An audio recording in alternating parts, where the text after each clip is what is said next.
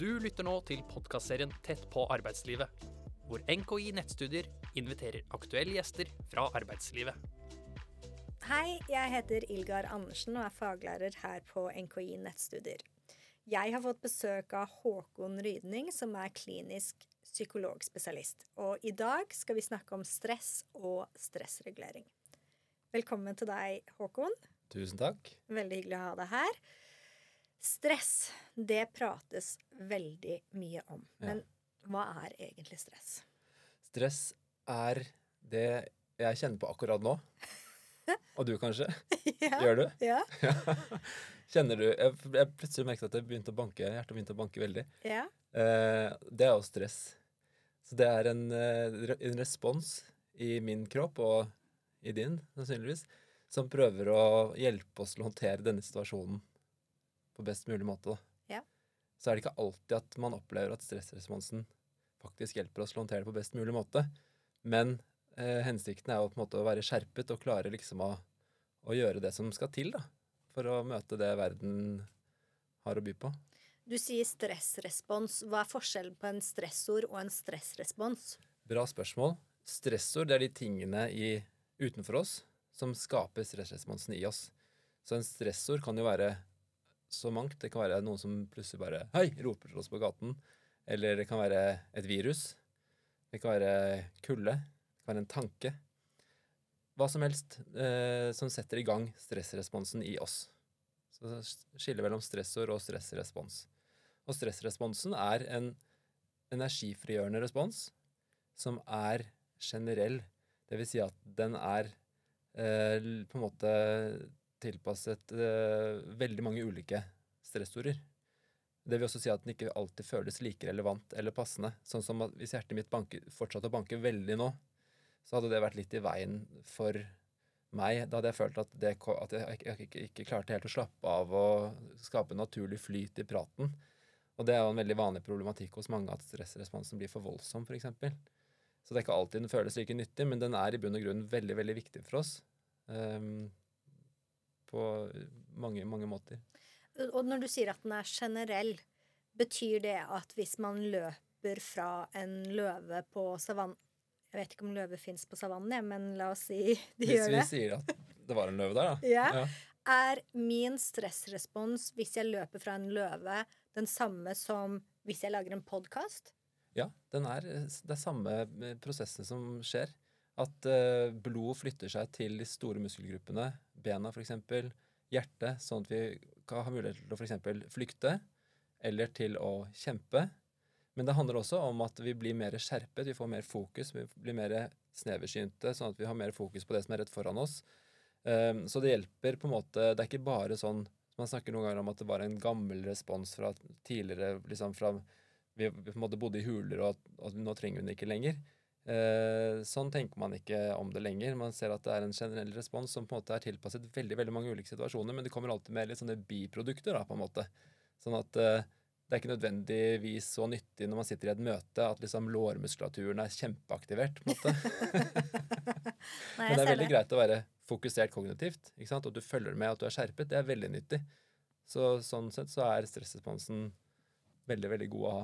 Og du sa flykt eller eh, For det er fight, flight og freeze. Kan Ja. du fortelle litt om det? Ja, det er eh, på en måte de ulike mulighetene vi har. Eh, vi man snakker jo ofte om når man står overfor en trussel, da, så må du vurdere om du, er dette noe jeg kan håndtere. Man begynner jo gjerne med å prøve å, hvis det er en menneskelig trussel, prøve å prate seg ut av ting. Men man kan jo fortsatt kjenne en veldig stressaktivering allikevel, hvis noen oppfører seg truende, f.eks.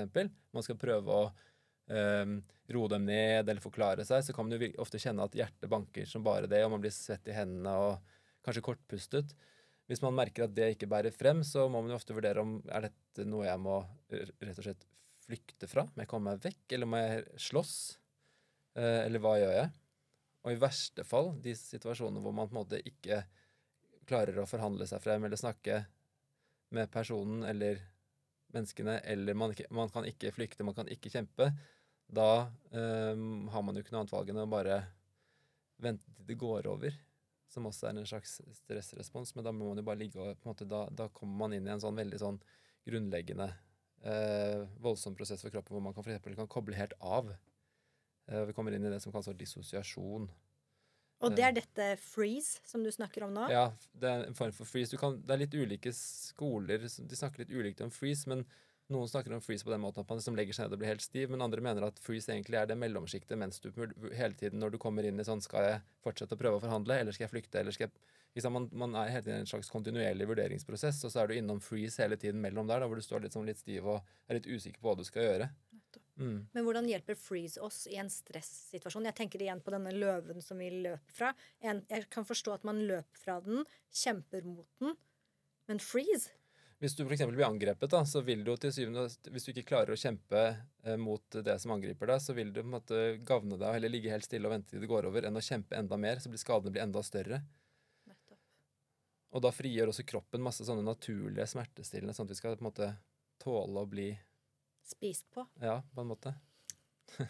ja. Håper vi ikke kommer dit. Nei, men fordi i vår hverdag så er det jo stort sett ikke Vi bor i Oslo. Det er jo stort sett ikke løver på gatene. Så det er vel den eh, meningen vi tillegger disse stressordene som gjør at vi blir stresset, er det ikke det? Jo, Ja. absolutt. Ja.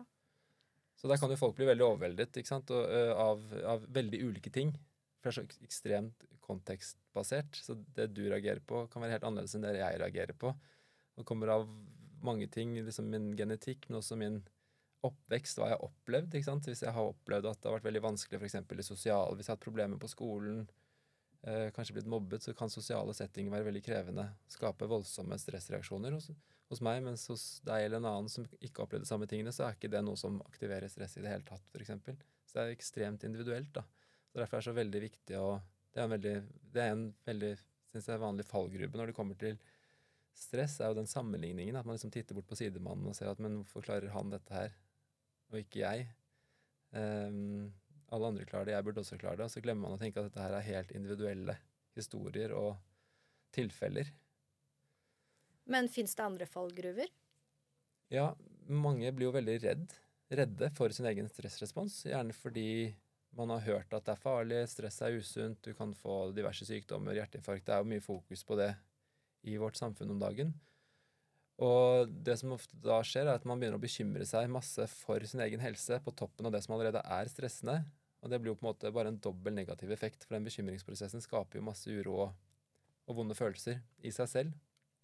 Så det er en veldig vanlig fallgruve. Og så er det jo mange andre ting du kan gjøre. Mange begynner jo å trene masse, f.eks. For, eksempel, eh, for å kompensere for stresset, og som er på en måte en, en god tanke, men det kan også bli for mye. Så det man ser, er at det lønner seg å trene litt sånn roligere, litt moderat, hvis man er i perioder med langvarig stress. Ja.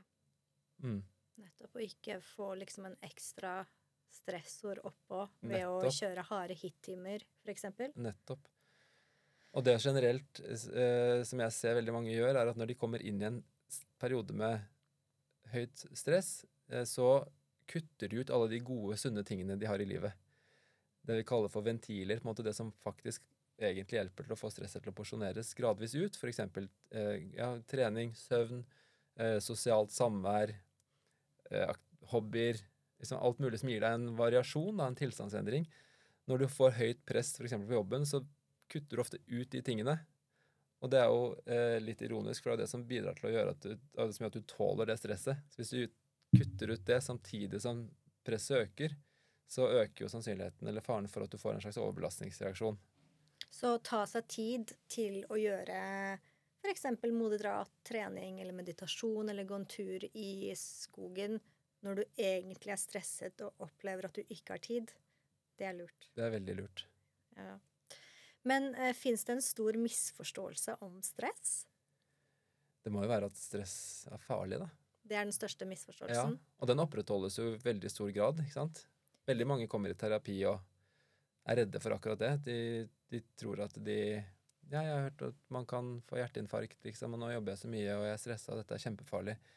Og så Vi er jo laget for å tåle stress vi, eh, over lengre perioder. Vi trenger det jo. Og det er ikke farlig å oppleve stress i dager, uker eller måneder, men poenget er at det må på en måte gå over på et tidspunkt. Og hvis du opplever ting i livet som gjør at du blir på en måte satt i en slags kronisk eh, tilstand av stress, som også kan skje. Det kan være tap av eh, folk man er glad i, det kan være utfordringer på jobben, det kan være krig. Det er mange ting som vi ikke har kontroll over, som kan gjøre at vi allikevel blir satt i en eh, situasjon med langvarig stress. Da er det veldig viktig å prøve å tenke på det der med at du har noe variasjon. At du kanskje gjør én ting hvor du får tank tankene over på noe annet. Det kan være meditasjon, det kan være å lese en bok, det kan være å gå tur i skogen, det kan være å være sammen med venner. Det kan være veldig mye forskjellig, men det skal bare være noe annet, og gjerne noe som gir deg en god følelse, da. Men er vi da på vei over til stressregulering? Ja. Hva er egentlig å regulere stresset? Regulere stresset handler jo om å påvirke stressnivået ditt. Eh, og det kan du gjøre i, med det akutte stresset, med den umiddelbare stressresponsen som kommer, den som jeg kjente på da vi startet denne episoden. Når hjertet begynner å banke, det blir klam i hendene. Den kan man eh, påvirke direkte ved f.eks. å puste. Eh, pusteøvelser. Og da handler det om å ha lengre utpust enn innpust. Hvorfor det? For når du har lengre utpust enn innpust, da eh, flytter mellomgulvet seg eh, sånn at hjertet blir på en måte litt mindre, og da sender det signal til hjernen om at hjertet kan slå litt roligere. Eh, og motsatt, når, hjertet, når altså mellomgulvet går ned, så blir hjertet litt sånn større, og da får hjernen et signal om at nå må du slå fortere. Så sånn sett så påvirker man hjerterytmen da, ved måten man puster på. Det er jo helt fantastisk. Ja, og det ser man også på folk som er eh, utbrent. De har ofte en veldig sånn kronisk eh, hjerteratevariabilitet, at hjertet banker veldig sånn likt hele tiden. Eh, og det skal det egentlig ikke gjøre. Det skal, man skal egentlig ha en sånn veldig sånn fin variasjon. Det er sånn at hjertet tilpasser seg, og hjerte, hjerterytmen tilpasser seg det man gjør. Ja, Hvis du sover kontra løper eh, sprint, For eksempel at da, sant, da er det veldig aktivert, eller banker fort når du løper, og så slapper du av, og så går det ned. Ja. Så har du stor variasjon, og det er sunt. Men når du ser når folk som har blitt utbrent, har ofte en mye mer sånn jevn, hvor det bare banker likt hele tiden. da. er den jevn høy? Eh, Eller det kan være jevn i ulike måter. Jeg er faktisk ikke helt sikker på om det er jevn høy eller lav, eller, men i hvert fall bare liksom veldig sånn lik, da. ja, Det høres jo ikke ut som det er tilpasset et liv vi skal leve, da. Sånn Nei. at hjertet skal jo variere i eh, ant altså frekvens, da. Mm. Veldig spennende. Eh, men så, så det du sier, er at man kan um, påvirke sin egen stressrespons. Ja. Du snakket om pusting. eh, gå tur, eh, moderat trening. Er det andre ting eh, vi kan eh, gjøre? Gjøre, ja. Det er mange ting man kan gjøre. Man kan, en ting handler om hvordan man fortolker stressresponsen sin. Så det å ehm, si til seg selv mens man kjenner høy aktivering at dette her er bare sunt og bra eh, Heldigvis skjønner kroppen min nå at jeg må prestere. Eh, da endrer faktisk stressresponsen seg i, i kroppen til en sunn stressrespons. Så den fortolkningen av stresset kan ha veldig mye å si. Man skal selvfølgelig ikke si det ikke sant, uker og år. Da, da er det for lenge uansett. Dette er veldig bra. Dette er veldig bra. Stressa Nok en dag i stress. Vi kjører på om et par år til, liksom. Ja. Men eh, sånn på kort sikt så kan det være en veldig fin måte å påvirke stressresponsen på. Eh, andre ting kan jo være å prøve å holde seg rolig i hodet, flytte fokus mens kroppen er urolig, f.eks. som man gjør med, sånn som du driver med med isbading. ja. Fordi du Hva skjer med deg når du hopper ut i det iskalde vannet? Da kjenner jeg bare at jeg har lyst til å puste veldig raskt. Jeg jeg kan også føle at jeg ikke får puste. Og så må jeg jobbe bevisst med å redusere pustefrekvensen. Puste rolig inn og ut. Gjerne ha en lang utpust. Og det er veldig vanskelig til å begynne med, og så blir man bedre på det etter Ja. hvert. Og hva er det du gjør i hodet da for å få til det? Hva er det du liksom forteller deg selv for å klare å Da har jeg bestemt meg på forhånd at når jeg treffer vannet, så vet jeg at jeg kommer til å få en stressrespons. Mm. Og jeg skal gjøre det jeg kan gjøre, bevisst, for å regulere den. Mm. F.eks. da med å puste rolig. Og det er jo ikke lett. Nei. Fordi kroppen sier én ting, og så sier hodet mitt noe annet, og så blir det en konflikt mellom de to. Nettopp. Men med øvelse så blir det lettere å klare å opprettholde denne rolige pusten på tross av at kroppen din ønsker noe annet. Ja. Ja. Så du skiller litt på en måte mellom kroppen og hodet på en måte. Riktig. At hodet forteller deg at du ikke helt skal høre på kroppen. Hodet har en annen plan. Og det har du opplevd at det bidrar til noe økt eh, toleranse i andre aspekter av livet? Ja, altså Jeg opplever jo at det å tåle stress kan være lettere i hverdagen hvis det er stress på jobben, med familien, Mm. mye som skjer. Eh, å ha med seg den erfaringen fra isbadingen, hvor man kan faktisk bli bevisst at jeg kan gjøre noe med dette. Jeg har kontroll over denne situasjonen. Jeg kan utøve den kontrollen, og jeg kan endre hvordan min stressrespons er. Mm. Kult. Ja, veldig Ja. godt eksempel. Og det er akkurat det som er gøy med disse tingene her. at Man kan påvirke det selv. Man kan øke sin egen stresstoleranse. F.eks. gjennom isbading, eller gjennom å få opp pulsen gjennom trening og så prøve å forholde seg rolig i hodet. Eller ved å flytte fokuset sitt mens man er stressa, istedenfor å hause seg opp og begynne å bekymre seg, eller tenke på hva alt jeg ikke får til, så heller på en måte legge merke til omgivelsene rundt deg. Du kan alltid flytte oppmerksomheten din, uavhengig av hva som er inni hodet ditt. Så det er veldig mange ting man kan gjøre for å roe ned den akutte stressresponsen, da. Er det siste du sa det med oppmerksomheten, er det oppmerksomhetstrening, mindfulness? Mindfulness er et eksempel på, på en, en slags praksis. Så igjen litt som meditasjon, som kan være veldig, veldig nyttig og fin. Men det jeg snakker om, er mer at man kan flytte oppmerksomheten sin fortløpende. Sånn som uavhengig av hva du gjør. Du kan gjøre det mens du jobber. ikke sant? Gjerne hvis du sitter og skriver på PC-en din, da, for eksempel, så plutselig får du en tanke at ehm, Tenk om jeg ikke rekker den fristen jeg har ehm, angående en eller annen innlevering, eksempel, og så kan du begynne å bekymre deg for det. Da blir man mer urolig. Men det å, det å klare å kjenne igjen at okay, dette er en bekymringssekvens, jeg flytter fokuset igjen tilbake til oppmerksomheten min, tilbake til skjermen, mailen, og fortsetter der, så vil du gjerne slippe tak i den bekymringen som akkurat hadde begynt. da. Så oppmerksomheten kan du på en måte flytte uansett, og da vil du gi mindre oppmerksomhet til den prosessen som du kjente at stresset deg. da. Jeg kan tenke meg at Hvis man først begynner å eh, lære disse tingene og tenker dette er verktøy jeg skal ta i bruk, eh, og man skal flytte oppmerksomheten sin, at man opplever at åh, jeg klarte det bare noen sekunder, og så er det tilbake igjen. Er det en øvelsessak? Veldig. Ja. Det der å, bli, oppdage at man har kontroll. Fordi vi har veldig god kontroll uten at vi vet det selv, og vi utøver det hele tiden. Så hvis du sitter og bekymrer deg for ja, den her fristen og innleveringen, da, og så plutselig så går brannalarmen, så hadde du sannsynligvis ikke blitt sittende og bekymre deg for det. Eller løpt ut mens du bekymret deg for den fristen. ikke sant? Da hadde vi bare kastet hele det prosjektet og fokusert på noe annet. Ja. Så vi kan det jo, Mm. men vi bare har ikke oppdaget ofte at dette er noe vi kan gjøre mer bevisst. da. Så stress kan vi ser på som mer positivt, at det er til for å hjelpe oss, og vi kan gi det en annen mening, så fremt det ikke er langvarig kronisk stress. Ja. Og vi kan eh, være herre over egen stressrespons. Stemmer det? Det er godt oppsummert. Og helt til slutt, hvis man eh, føler man har for mye oppgaver, masse på jobb, masse på hjemmebane, følelse av at jeg ikke strekker til, har du noen konkrete tips? Du har jo gitt oss mange tips, men har du noe sånn helt på tampen? Det er jo Man ser jo det at stressresponsen blir på en måte usunn eh, eller farligere hvis du ikke føler at du har kontroll eller forutsigbarhet på det du driver med. Så det å prøve å få en form for kontroll eller forutsigbarhet er jo da å anbefale, og det kan man jo gjøre på mange måter, men det å ofte strekke ut en hånd til noen, snakke med noen, eh, er stort sett veldig effektivt. På jobb kanskje du kan prate med lederen din, f.eks. Nå føler jeg meg helt overveldet. Kan du hjelpe meg med å prioritere disse oppgavene. Hva er det jeg skal gjøre først og sist? Eh, Det kan også være å snakke med utenforstående som kan hjelpe deg å sortere, eller bare roe deg ned. Men det vi ser, er at veldig mange, og det kan jeg kjenne meg inn i selv òg, når jeg blir stresset, så lukker jeg meg mer inne. Skal liksom klare det selv. Og så kan jeg skamme meg litt over at jeg føler at jeg ikke har helt kontroll, og da blir det på en måte også som en tette, en slags ventil. Så det å prøve å få kontroll igjen gjennom støtte fra andre, eller egensortering, det er veldig lurt.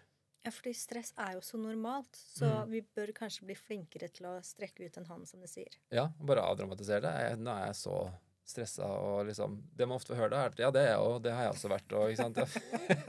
det gikk helt til helvete i siste ikke? Så får man avdramatisert det veldig. Så ikke sant? Det, åpenhet der kan være veldig nyttig. Veldig bra. Tusen takk for alle tips. Takk for at du kunne bruke tid her sammen med Ja, takk for at jeg fikk komme. Du har nå lyttet til en podkast fra NKI Nettstudier. Hvis du er nysgjerrig på våre studier, gå inn på nki.no.